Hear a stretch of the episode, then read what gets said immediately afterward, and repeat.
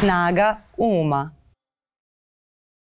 Dobar dan, dragi ljudi, dobrodošli u podcast Snaga Uma. Ja sam Miljana. Mi ovde iz ponedeljka u ponedeljak razmenjujemo iskustva, razgovaramo iz pozicije ličnih mudrosti.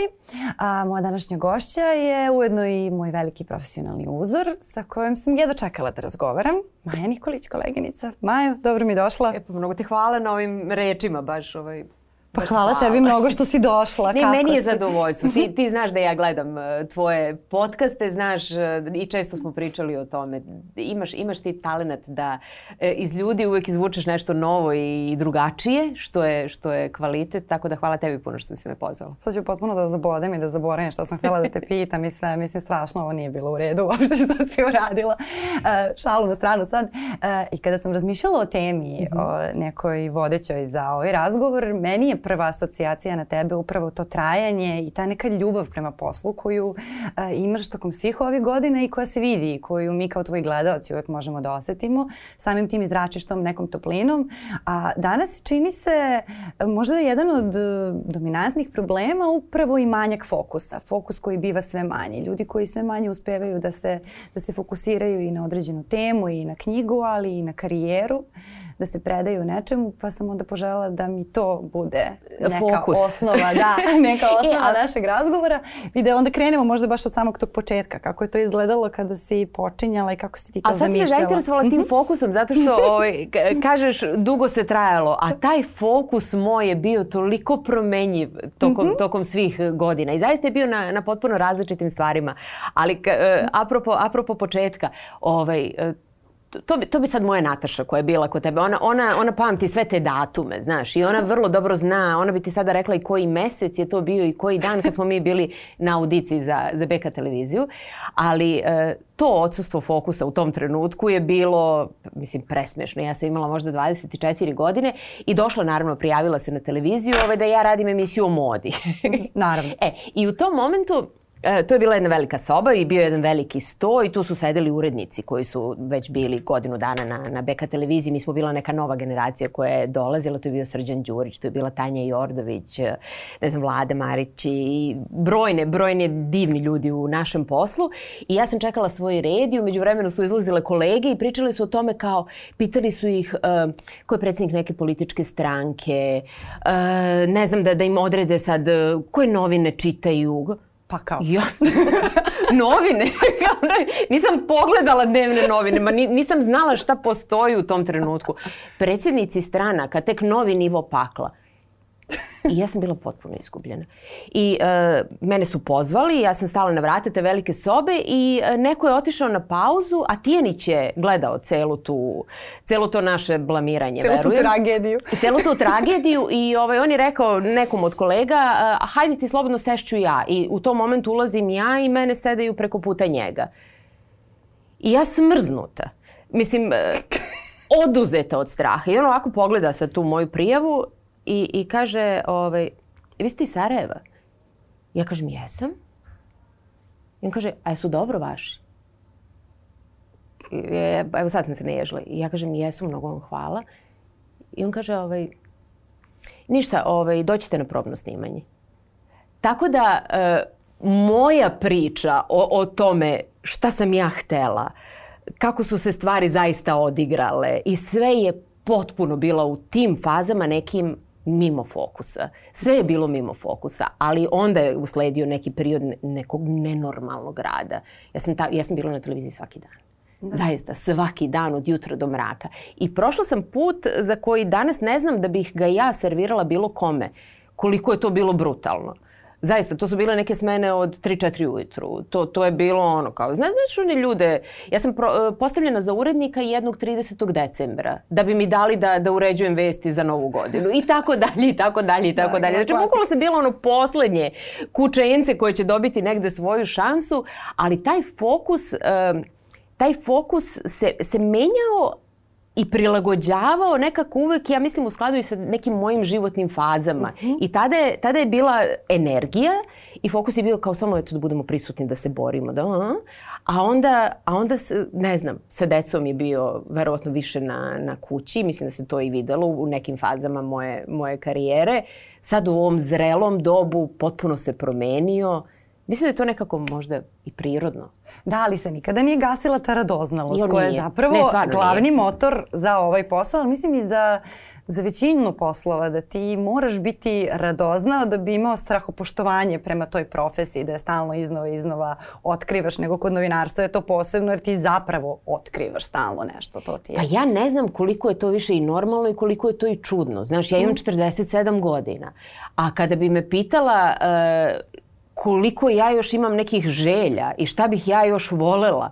Ja bih sada mogla da ti nabrojim ne znam koliko stvari koje bih ja još dodatno volela i e, šta bih sve još volela da probam. I uopšte me nije prošlo to, nije me prošla ta, ta strast ka, ka ovom poslu. Ja stvarno uživam kada, kada radim i mnogo to volim i mislim da je to ozbiljan, ozbiljan blagoslov u životu, da, yes. da radiš to što voliš. Velika sreća. Jeste, da, i onda ti je posao, to, to što kažem da nećeš raditi nijedan dan života, kako je to netačno, onda ćeš raditi sto puta više nego svi da, ostali. da, radit ćeš ozbiljno. Da, onda ćeš raditi mnogo više, ali, ali nekako ima svoj, ne ubija te, nego te u stvari hrani stalno. A, stvarno te hrani, da, to, to, to, to je tačno. A um, šta ti u ovom poslu, recimo, smeta? Jer ti kada voliš posao, onda te i bole, uh, bole stvari više nego, pa kako ne? pretpostavljam, što bi te bolele da radiš neki posao koji ti onako kao ajde. Pa opet u različitim fazama smetaju, mhm. te, smetaju ti različite stvari. E, u, u nekim drugim kućama smetao mi je e, prvi odgovor ne može. Uh Mislim, mene to izluđuje. Nekako e, u, u poslu e, ja smatram da, da mi svi ima, treba da imamo tu prvu rečenicu, hajde da vidimo kako da to uradimo. Uh, I da to mora da bude prva rečenica. Kada imamo zahtev, da, da moramo svi da imamo, e, hajde da vidimo kako da to izvedemo. Ali kada se kreće od ne može, pa onda e, krene to, to gnjavljanje i objašnjavanje i natezanje. I, e, to, to, to su momenti kad ja gubim jako, jako puno svoje energije i to, to su momenti koji stvarno mogu da me, da me ugase potpuno, da, da poželim da ono više ne pređem ni ulaz, a kamoli da, da uđem u studiju. Tako da ne volim, e, ne volim da radim sa ljudima koji ne vole svoj posao. Eto, to mi jako smeta. Da, to... I Nataša kada je bila ovde govorila je o tom jednom periodu na RTS-u kada se prosto nije osjećala dobro u, to, mm -hmm. u tom mhm. kontekstu. Ove, kada ste na neki način bile i targetirane i, i, i sve. I onda me zanima kako, kako recimo u tom periodu periodu, jer se to često dešava, uh, da ljudi kada ne rade u, u, u prosto dobrom, zdravom okruženju, mhm. kada trpe mobbing ili na bilo koji način rade u lošim uslovima, da li je to previše radnih sati pa si premoren i tako dalje, da im se i profesija koju su možda voleli zgadi. E sad mene zanima kako si ti uspela da sačuvaš taj sjaj u očima, čak i u tim nekim fazama e, kada nisi bila A znaš kako mi ne, tako što okruženju. sam otišla. Uh mhm. -huh. Ja sam, ja sam uh, taka, takvu atmosferu promenila čim sam imala prvu priliku da, da to promenim. Čim sam shvatila ovo što sam ti rekla, da, da ne volim da uđem više u, u tu zgradu. Da. Nataša je tebi vrlo iskreno pričala da. o tome što, što smo prolazile. I to je bilo jako bolno, zato što uh, živiš sa, sa e, nekim izmišljotinama, uh, o svojim platama, o nekim uslovima, o, o, o tim najsmešnijim na svetu postavkama da si nečija miljenica, a ta miljenica radi deset puta više od ovih nekih koji nisu ničiji miljenici. Ovaj, i, I to nije lako. I onda su tu uključeni bili naravno i tabloidi koji su, su nastavljali na naslovne strane, stavljali naše izmišljene plate na naslovne strane. Sećam se toga da, da je bilo u jednom momentu naslovna strana. Bile smo uh, Olivera Kovačević, Nataša i ja i pisala je neka plata od, na primjer, 15.000 evra. A onda sutra se nastavilo sa stripovima gde mi iznosimo kao neke džakove para uh, sa, sa RTS-a. I sada, ok, to je smešno, pa sam onda ja se vadila sa time kao, pa daj Bože da to u jednom momentu postane ovaj, i, i realnost. Ali onda uh, ideš hodnikom te zgrade i ljudi te ne pozdravljaju. Zato što oni misle da je to tačno. Uh, i zato što, što oni doživljavaju da je to zaista realnost. I onda takve stvari zaista, zaista bole. I, i pogađaju i onda kada izgubiš, kada izgubiš taj fokus od kojega smo krenuli, kada izgubiš to zašto ti radiš taj posao, kada izgubiš i, i radost, onda po mom mišljenju ovaj, je negde e, najzdravije menjati stvari. Najzdravije je preseći i krenuti iz početka. Meni to nije bilo lako. Uh mhm. -huh. E, iz nekog razloga mi je e, bilo mi je prirodno da sa BK televizije odem na RTS e, eh, i dugo sam za RTS mislila da je to kuća u kojoj ja pripadam. Da, je to, da sam ja svoja na svome, da, da je to kuća u kojoj ja treba da, da dam sve od sebe. I dugo je to i bilo tako, to je bila jedna fina saradnja. A e, kada sam napuštala RTS, e, eh, znam da sam pričala sa svojom mamom koja je, s kojom sam jako bliska. I podelila sam sa njom neke svoje dileme, e, jer su, tamo postoji ta jedna, ta jedna rečenica sa RTS-a se ne odlazi. Ove, ovaj, i, I onda mi ona rekla, ali ti svoju karijeru nosiš sa sobom. I onda sam ja malo složila stvari i, i shvatila da koliko je ona u pravu, ja zaista svoju karijeru i svoje ime nosim sa sobom. I moja karijera nije vezana ni za jednu kuću. To, ti svoje ime uvek nosiš sa sobom. I to je bila jedna od najzdravijih odluka koje sam donela. Jeste. I e, pravi otkaz u pravom trenutku mm. dati je, mislim, možda i prelomni trenutak e, za svakog profesionalca mm. u svakom poslu. Jer to je onaj trenutak kad ti shvatiš da tvoja karijera pripada tebi u stvari. Da, Tako I kad je, kada, kada preuzmeš svoju karijeru, naročito ako se dugo zadržiš kod, kod tog prvog mm, ili drugog poslodavca ili sad neavisno da li si ti vezan za uredništvo ili za, ili za samu kuću, nekako eh, ime firme ti postane ko prezime. Pa dobro, ja sam mm. i, i mislim da je moja generacija dugo bila obeležena tim uh, sa BK televizije. Da, da. Da, i to je, to je, to, to i danas posmatram negde kao komplement. Uh, Yes, Zato što pa su da. bila neka lepa vremena, e, neka, neka nova moderna kuća, mi mladi, presrećni što radimo, presrećni što nam je neko uopšte dao takvu šansu. A onda e, posle, mislim, ne bi bilo nikako fair reći da, da nije isto važilo ni za RTS, jer ja mislim da, da nisam imala svojih deset godina na RTS-u, da nikada ne bih bila ovo što, što na kraju jesam, da nisam imala svojih tih, ne znam nikoliko je to već potrejalo, 6-7 godina u tom jutarnjem programu, uh, da nikada ne bih mogla da imam taj kapital da, da me cela Srbija e, primetila, da, da cela Srbija je negde saznala za, za mene, da je cela Srbija imala tu priliku, jer e, tada kada smo Nataša i ja radile jutro na, na RTS-u, to je bilo drugačije vreme televizije i, i i RTS je, nije bio ovo što, što sada jeste i bio je mnogo gledanija televizija. I danas, e, znači, vi nekom da kažete da ste imali šer preko 50%, to, to ne postoji. A mi smo svakog jutra imali šerove 50%. Mislim, nas je Tijanić zvao na sastanke kada, kada taj šer padne na 40 i nešto da vidimo šta nije u redu. A to, da. a to danas ne postoji za, za najekskluzivnije večernje formate. Mislim, to, to su neke zaista stvari koje se više nikada neće desiti zato što se prosto promenilo vreme. Ne zato što neko lošije radi, nego e, konkurencija je veća, televizija je više, vreme se promenilo, svi smo se navikli i da vraćamo programe koji nas zanimaju, tako da prosto specifičan jedan trenutak e, je, je tada bio. I onda mi je, e, onda je to bio zaista veliki deo mog identiteta. Uh A danas, e, pa rekla bih i da je i ova kuća veliki deo mog identiteta. Zato što sam je odabrala da bih sačuvala sebe. Zato što opet jedan odlazak je bio da bih, da bih uvek sebe mogla da, da pogledam u ogledalo. Da bih znala da sam nekako na ispravna, da ispravna prema sebi, da, da e, rekla si, rekla si na samom početku, e, dugo se traje, zaista dugo se traje, to je sada već nekih 26-7 godina. Čak. Da, ali, ali da ne bi niko mogao da kaže ovaj, ja sam te stvorio ili ja ću, sa mnom će sve stati. Ne, i pre i posle biti svoj. Da, to, to je velika stvar. To je baš velika stvar. Pa velika stvar. I ne znam koliko danas ljudi uopšte uh, polaze od činjenice da je to moguće? Pa ne znam. Pa nisam ni ja polazila mm -hmm. od mhm. te činjenice. Mislim, mene to uopšte nije zanimalo. To je, evo, ja to danas mm -hmm. mogu da ti kažem kao, kao e, rezultat i kada gledam to vreme unazad, pa eto, to, to toliko traje. Ali Nego dan po dan? Po pa dan po dan. Dan po dan, borba po borba, emisija po emisija. Uh, E, gledaš da budeš u, u svakom i najmanjem i najbednijem projektu i kad si ćušnut negde onako u špajz, ti gledaš da, da to svoje odradiš najbolje što možeš, da, Poznato da, da budeš profesionalan i to, pa jel tako? Pa Ali jeste, to je, to je jedini ja način. Od 18. godine kao sve. Pa budeš. nema drugog da. načina. To je po meni jedina, jedina ispravna priča. Jeste.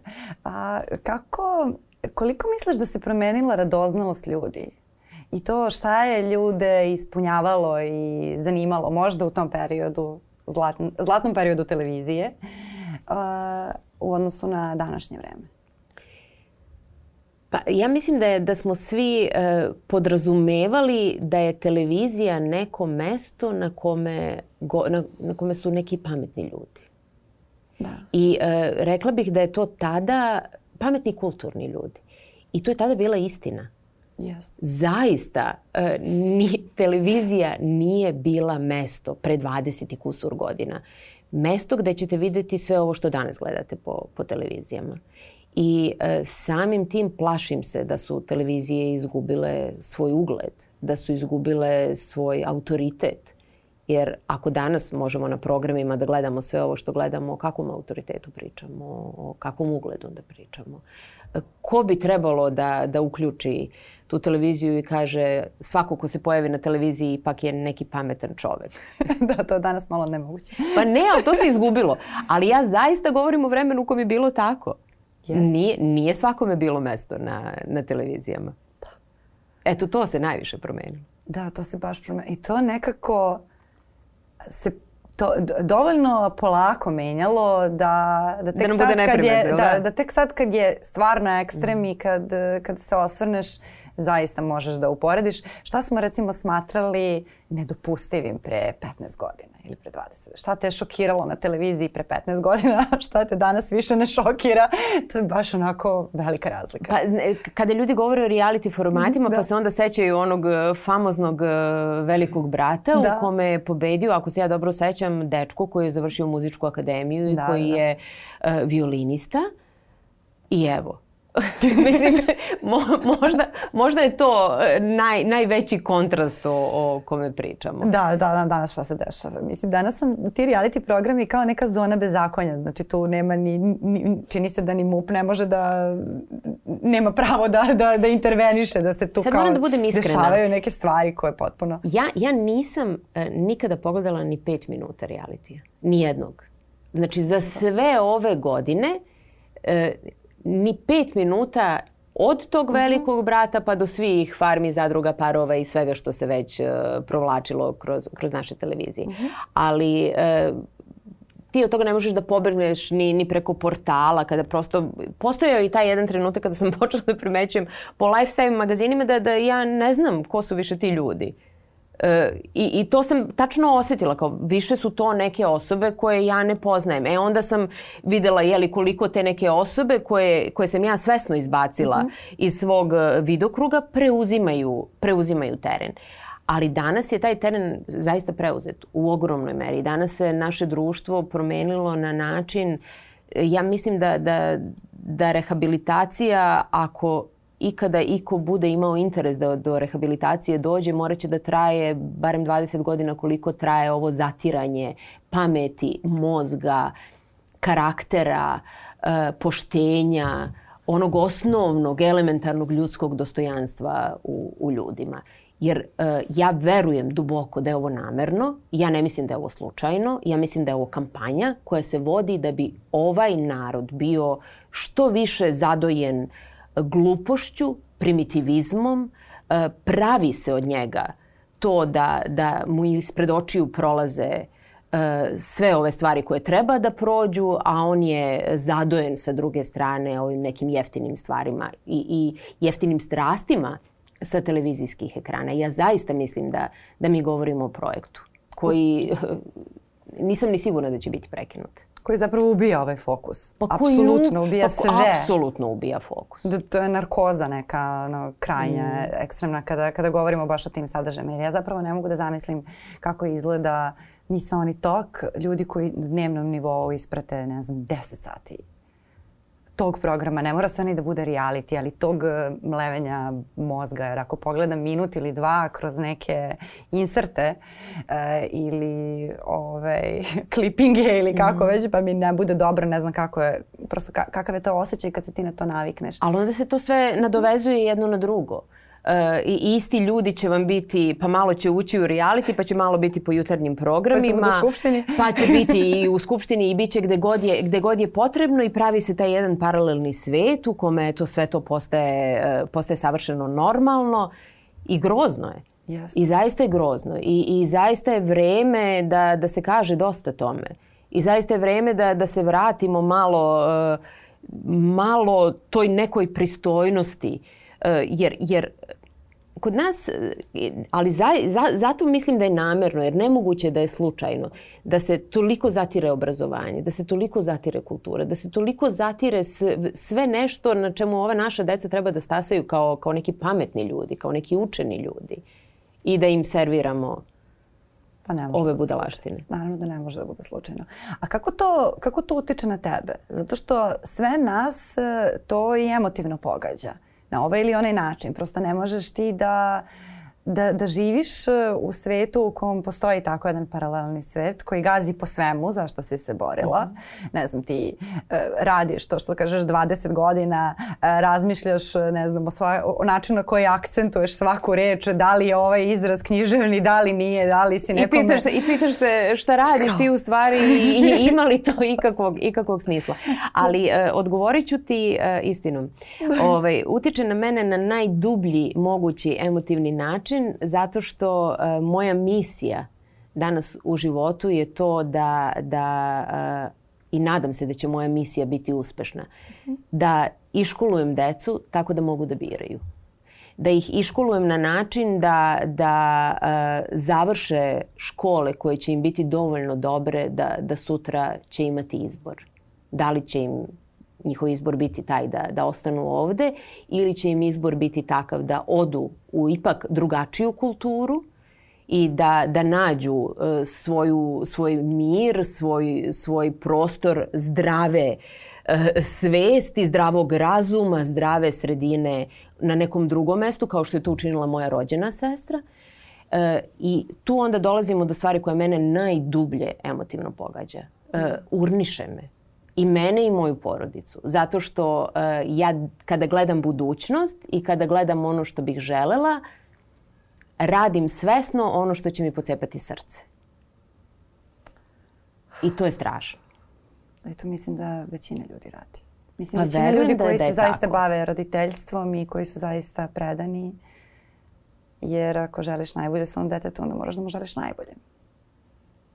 A nećemo mu želiti najbolje uh, ako mu, ne znam, kupimo diplomu i Da, pa ne možeš. Mislim, to prosto...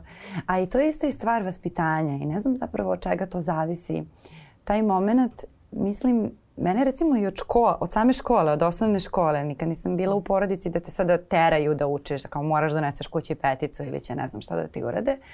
Ali već u tim mladim godinama ja sam imala taj osjećaj uh, da me je sramota, da me neko prozove, da me mhm. pita nešto što je osnovno obrazovanje, jer ja sam u osnovnoj školi, dakle to su osnovne stvari, a da ja ne znam nešto što je osnovno. I onda to posle pređe na srednju školu, pa na fakultet, pa me onda u poslu sramota da se osramotim. I nekako taj moment, ne znam, ne znam da li je ta sposobnost da imamo sramotu ili da je apsolutno nemamo ono što, što je zapravo i podelilo te dve medijske priče. Ja sam htjela, vidiš, ovaj, te, teš, meni je ovaj uvek teško da budem s ove strane, znaš. A sad sam htjela da te pitam, a da li... Da, Ovo je podcast tako da koliko da može. Nam je, koliko nam je sramote ostalo, koliko nam je stida ostalo. Jer uh, i, i sramota i stid su, pa to, to su divne stvari koje da. će nas uh, učiti negde uh, onome šta je nekulturno, je li tako? Šta je, kul, šta je ispravno, šta je neispravno, šta je kulturno, šta je nekulturno. E, da, da, taj mhm. jedan osnovni osjećaj sramote kada pređeš preko reda pa se ne osjećaš dobro. Nisam sigurna koliko ima sramote. Koliko ima sramote kod, kod ljudi koji će e, prihvatiti posao za koji su svesni da, da apsolutno ne znaju da ga rade. Pa gde je tu i stid i sramote, gde je tu osjećaj da je to i nekulturno? Pa jeste. Ne znam. Ne, ne znam gde su ti osjećaji. Jel ti imaš taj osjećaj? Lično? Mislim, da, da, ne, za, ne u smislu svog posla, nego to kao da se ne osramotim, taj neki mali glas koji ti... Čak večno. I, da, večno, da, to je večno. to. E, meni je, znaš... E, to ne možeš, da, zbog ja, ja, radim, ja radim moju emisiju sa fenomenalnim ljudima. Da. Ja mislim da imam najdivniju redakciju na svetu i to su novinarčine Jeste, ja su, mislim da imaš najdivniju reakciju stvarno, na svijetu, to su, stvarno. To su zaista novinarčine i moji urednici su genijalci. A, ali na sve to e, nekako ta odgovornost da, da sve uvek pročitate, da budete uvek upućeni, da, da sve mora da se zna, da, da sve, mo, morate da znate stvari po dubini, morate da radite yes. neprestano, morate da radite na sebi, čak i kada radite vrlo sličan posao već desetinama godina. Pa nikada, nikada, nikada za sve ovo vreme ne bih pomislila da, da imam luksus da u studio sednem, a da nisam nekoliko sati provela pred kompjuterom pripremajući se. Nikada. Pa da, pa Tako da ovaj, možda je to vreme i možda sam i ja i ti Miljana. Relikt, relikt da. neke prošlosti, ali tako je kako je. Da, jeste. Ja sada bukvalno kako si to rekla, sada kada pomislim na to kao uđem u studio, a nisam nisam uradila da. domaćinu, nekako krene ti neki mali, neki blagi, onako talas anksioznosti, kao šta, šta onda, kao da si ušla potpuno. Pa baš je tako, jedino, Sad, jedino da tada da si ti, znaš to, to je uh, ono kao, ljudi misle priprema je šminka i šminka frizura i to da se obučeš u ono što ti stilista pripremi. Ali uh, meni mnogo veći element sigurnosti je moja priprema, a ovo drugo, ma i ako ne valja taj dan, ako, ako nisi baš lepo našminka, pa bit ćeš sutra, da. ali moraš da budeš spreman. Da. Moraš, moraš da znaš o čemu pričaš. To je valjda nekako najvažnije. Pa jeste. I sad razmišljam, mislim da zapravo često razmišljam o tome. Koje bi mi bile brige, koje bi mi bile ambicije da, da živimo u društvu u kom je medijska scena, ajde ne mogu da kažem normalna, jer mislim mm -hmm. da mhm. mediji danas nigde nisu normalni, normalni su. Da je to sad zbog društvenih mreža, zbog sve te tranzicije malo onako haotično, ali da su zdravi, da postoji ta demokratija, da mhm. postoji mm -hmm. uh, prava konkurencija da, da ti imaš e, sada u ovom trenutku, na primer, 20-30 novih lica koji imaju 22-3 godine, koji donose neke nove stvari, da sada ti e, si primoran da, da zaista ozbiljno kao radiš na sebi, da stalno donosiš neke Ali to što si rekla, to je, to je specifičan e, fenomen ovde kod da. nas. Da. Da, da imamo uh, toliko novih televizija koje i sada ovo je moje profesionalno mišljenje, a ne zato što smo uh, prijatelji i kolege, moje mišljenje je da, da su sve ove godine i sve te televizije donele jednobitno novo televizijsko ime koje je kod nas na novoj, a to je Danilo Mašević. Da. To je jedina televizijska zvezda koja se pojavila, sveža, u poslednjih pet godina. Jeste, da. S, mi A mislim, ostali, ako ne govorimo o ljudima koji... Ne, ne, ne, ma ja hoću... Ja, ja zaista... Da. Pa dobro, ne, naravno ne pričamo o tome. Ja govorim, ja govorim o ozbiljnim imenima koje će trajati. A pogotovo je to raritet zato što muških televizijskih novinara, to, to je, to je, oni su redke zverke. Oni, yes. se, oni se ne dešavaju često kod nas u, u ovom poslu. Tako da ovaj, to, to, to je zaista, to što si primetila je fenomen kod nas. Da. Ranije su rađeni ti kastinzi, e, dolazila su nova lica, čak moj casting Tajna Beka svakako nije bio poslednji. Poslednji toga su dolazili e, ljudi koji, koji su stasali u fenomenalne imena od Jovane Joksimović, Slavka Beleslina, e, ne znam ko je sad sve još u toj, u toj da kažemo, generaciju mlađoj da. E, kategoriji od mene i onda posle njih, kao da se desio neki vakum kao da, da se nije desio niko novi. I ne razumem zašto je to tako. Da li, da li se ne radi sa ljudima, da li... E, Tijanić je još... E, kada, kada je radio jednu od audicija na, na RTS-u na kojoj smo mi bile e, i Nataša i Rade Đurić i ja, te koje smo razgovarale sa klincima i ocenjivale ih, pomagale im na, na probnim snimanjima, govorio je, e, a možda i to e, odgovor, da, da im nije stalo da ako im kaže uh, primljeni ste, da će oni reći super, a ako im kaže ovaj, uh, odbijeni ste, nećemo vas primiti, će reći ok, i to je to. Da, da jednostavno nije im preterano važno. E sad ja ne volim, e, ja ne volim generacijski da posmatram da. stvari, ne volim uopšteno da posmatram stvari, mislim da ipak uh, treba da gledamo ljude kao, kao osobe, ali ne znamo čemu se radi. Možda da. ne radimo dovoljno sa klincima, možda se mi ne bavimo njima, možda, možda ih ne učimo dovoljno, možda je do nas. Ja sam baš razmišljala o tom fenomenu i mislim da, da to ne važi baš ni samo za E, ni samo za novinarski posao, da. nego, nego generalno za, za sve profesije u kojem bi ti trebalo da imaš te neke superstarove sad. Mm -hmm.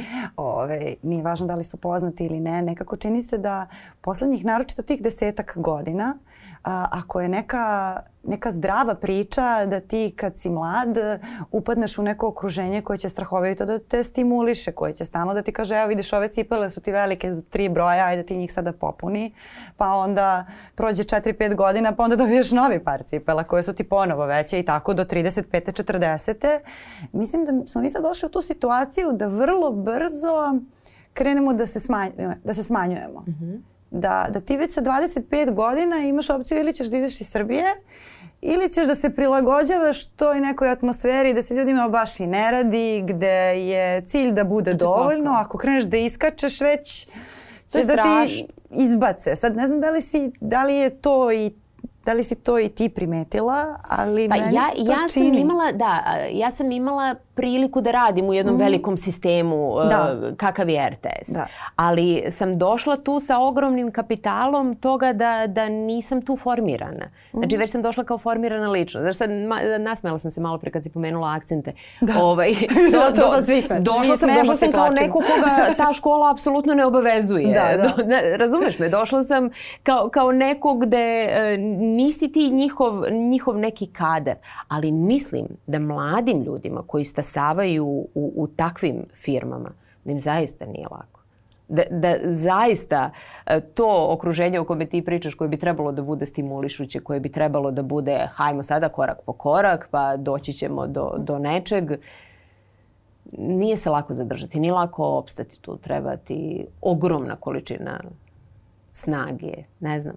E, mislim da kao i za sve u životu, verovatno ti treba i ogromna količina sreće. Treba. Da o tome malo pričamo, da bez tog nekog zlatnog praha koji, znaš, sve može da se namisli da bude savršeno, ali ako nema tog malo zlatnog praha, ništa od cele stvari. Pa možda. A možda je i taj zlatni prah u stvari ljubav prema poslu. Jer ti kada nešto toliko voliš, ti ćeš da tražiš dok ne nađeš i nećeš ni da primetiš ni kad su te odbili zato što ćeš kao dobro ajde ovo nije to ideš bukvalno kao kad tražiš ključeve po tašni dok ih ne nađeš nestaneš ali pa ne jesi, i, jesi, jesi u pravu ovaj, jer evo to što ti govoriš to je moja karijera ja sam tako počela mene su mučano odbili za sve živo znači ja sam recimo cijele moje generacije koja je primljena na BK svi su imali neke projekte meni su dali nešto na kraju mislim to, to, je, to je bilo toliko strašno svi su već nešto radili a ja sam i dalje bila kao u nekom momentu neko će i mene da se seti.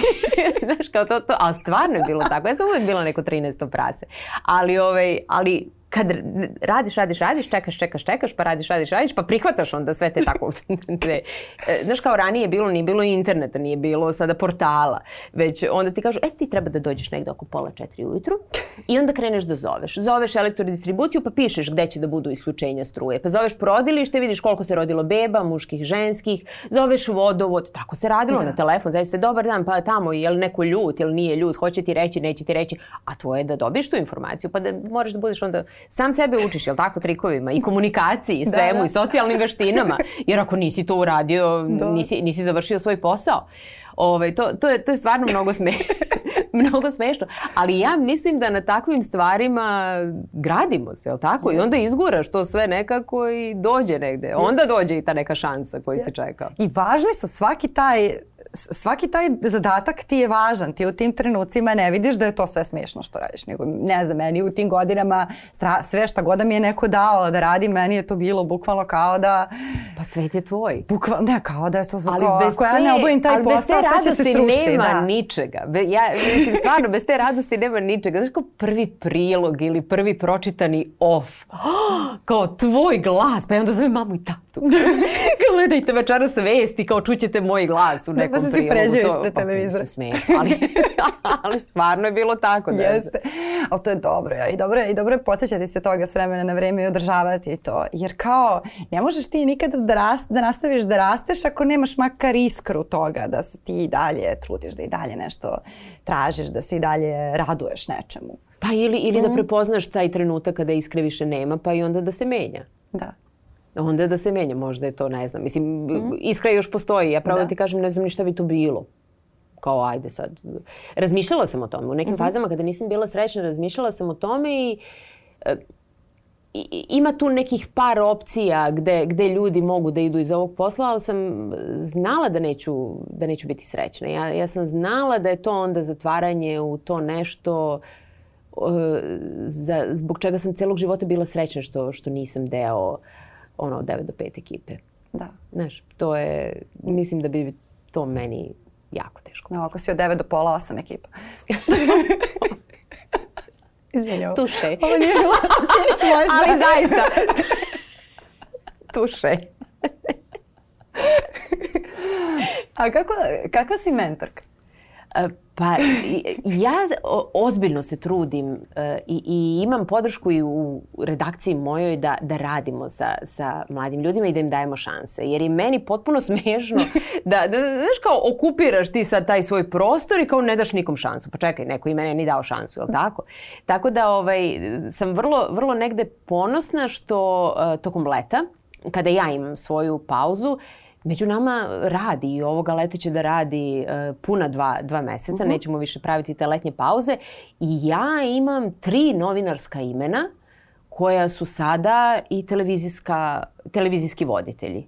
Sticajem okolnosti, to su tri muškarca. Uh mhm. -huh. Ali e, volela bi da bude i neka devojka, ali eto tako, u, da. nije, nam se, nije nam se potrefilo. Znači nije namerno, ali nije nam se potrefilo i ne govorim pritom uopšte o Danilu. Da. Znači naši gledalci su već upoznali našeg Filipa Vidojevića. Uh mhm. -huh našeg Marka Novičića i Đuru Svilara. Da. I oni su se e, isprobali, dobro Đura je veteran u, i u nekim temama i naravno on ima svoje iskustvo dugogodišnje i saradje i on je tvoj kolega ovde ima svoj podcast, ali je meni prelepo to da hajde da probamo i, i da vidimo i kad to proradi i kad, e, kad vidim i njihovo zadovoljstvo i e, već, već u ovoj fazi i njihovu profilisanost, šta im više leži i kako to iz izgleda, meni je to sjajno.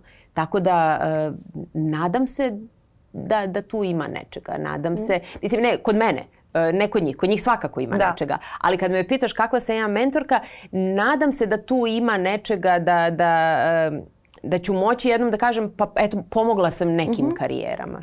A na šta se fokusiraš kada, kada vidiš mladu osobu? Da li se onda na neki način i prisjećaš svojih početaka pa gledaš čekaj ajde ja sam se oko ovoga baktala da, da ubrzam taj proces, da, da, da kao ovo ti je dečija bolest, ovo baš i ne moraš kao i te neke stvari. A znaš kako se to vidi Miljane? Je, mm -hmm. Mi smo kad smo počele uh mhm. -huh E, došli smo na, na novu i tek smo krenule i imale smo ovaj, ograničen broj e, ljudi koji možemo da dovedemo. Da. I tu je bio ograničen broj urednika, ograničen broj novinara, reportera i mi smo zaposlile.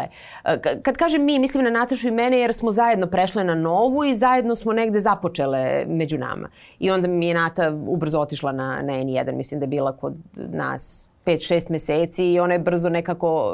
Uh, Ali vidiš i tu je... Ispeljivačica. To, ma nije, nije ispeljivačica, to je isto zlatni prah. Ona je uvek govorila yes. koliko bi voljela da radi na N1 i to je tačno je nju negde tačno. Da. pogledalo da, da ode nekim putem kojim je ona, ona želela. E, ali nisam to htela da ti pričam. I dešava se te, telefonski poziv od moje drugarice koja je uh, ozbiljna, ozbiljna poslovna žena uh u, u svom domenu. Jedna od najozbiljnijih u Srbiji. I kaže mi, eh, vidi, mi ovde u, u, u jednoj od naših najvećih kompanija, mi ovde imamo grupu klinaca na praksi i ovde postoji blistavo dete blistavo, blistavo dete, fantastično obrazovan i sve, ali on nije za ovaj posao, ali on za tebe. On je za televiziju dušu dao. I pošto ja njoj verujem, ovaj, ja kažem pa nek dođe na razgovor. I Nataša i ja popričamo sa, sa mladićem koji je sada kod nas stalno zaposlen kao novinar, reporter, vredan deo moje redakcije, koji je došao iz čiste ljubavi. Nemanja Vidić se zove. A da, pra, poznajem Nemanju i pozdravljamo e, ga ovom prilikom. Ja to hoću total, da on je baš dragulist. Ali Nemanja je bio spreman da dođe i da kaže ne treba mi ni plata, ne treba mi ni ništa. A samo me pustite da radim. Ja želim da radim. Ja želim da učim. I uh, evo, danas taj, on, on zaista fantastično radi, a praktično je e, e, naša emisija traje nepune tri godine. Da. Znači, eto, toliko traje njegova karijera potpuno samostalan novinar, potpuno samostalan reporter. Da, Nemanje je znači- neko kada se desi uh, neki događaj, vi možete da ga bacite na teren, on će to odraditi bez problema. Jeste. Tako da uh, treba im dati šansu. Kada, kada vidite tu ljubav, kada vidite tu žari, kada vidite tu, tu rečenicu ja hoću da radim, ne morate ni da me plaćate, Pa okej, okay, naravno, e, da. neće to biti tako na, da. na kraju, nećemo dozvoliti da bude tako na kraju, ali da. takve ljude treba prepoznati. Boga mi ja kada sam počinjala nisu se bunili. Nisam, pa Gde? Bilo, ja sam bila isto u tom ovaj, maniru, kao ne morate da mi plaćate, ljudi su bili kao dobro. Okay. Onda sam naučila, morala sam sama da okay. da naučim da, ovaj, da objasnim ljudima, e ljudi, ipak morate da me platite. kao. A mogli biste i da me zaposlite. A, mogli A to, biste. To je isto trebalo jedno 5-6 godina, isto, da, da dođem do isto. toga. Ja da ne znam više koliko dugo sam radila kao honorarec dok, dok nisam onako stisla petlju da pitam kao, ma mislim... Kao, gospodo. ja, ja sam i dalje honorarica, ako biste mogli, mislim, ono, samo da me zaposlite. Ne bi bilo loše. Primakli smo se kraju mhm. ovog razgovora. Nada se da ti je bilo prijetno. Da, e, pa baš da smo se lepo, pa baš pa ispričale. Mislim, neosetno. Neosetno. Neosetno. I nadam se da ćemo se videti ponovo, da ćeš mi, da ćeš mi ponovo doći. Baš sam dugo čekala da, da mi dođeš i mnogo ti Vidi, hvala. Eh, hvala tebi i takođe ovaj, čekamo i mi tebe ponovo kod nas u među nama. E, sad si ovo rekla onim tvojim glasom kao da Ili da znači, vodite da, to me, to me deca zavitlavaju. Trebalo mi je neko vreme da te izbacim iz tog, tog eh, Maja Nikolić pred kamerama eh, modu, sad se ponovo. Ja sam se vratila. Da, kako sam rekla, primukli mi se s kraju, tako se nad, nadlaktila i kao pa hvala. Pa dobro, znaš kako sad idem na posao, tako da malo da uđem taman, u fazu. Taman zagrevanje. To, to. A, hvala i vama na vremenoj pažnji. Sa nama je danas ovde bila moja divna koleginica Maja Nikolić. Mene je podsjetila nekih e, lepših vremena kada, kada smo maštali o zvezdama i nadam se da je i vas inspirisala idealno za ovaj ponedljak. A mi smo tu i sledeće nedelje. Prijetno. Oh,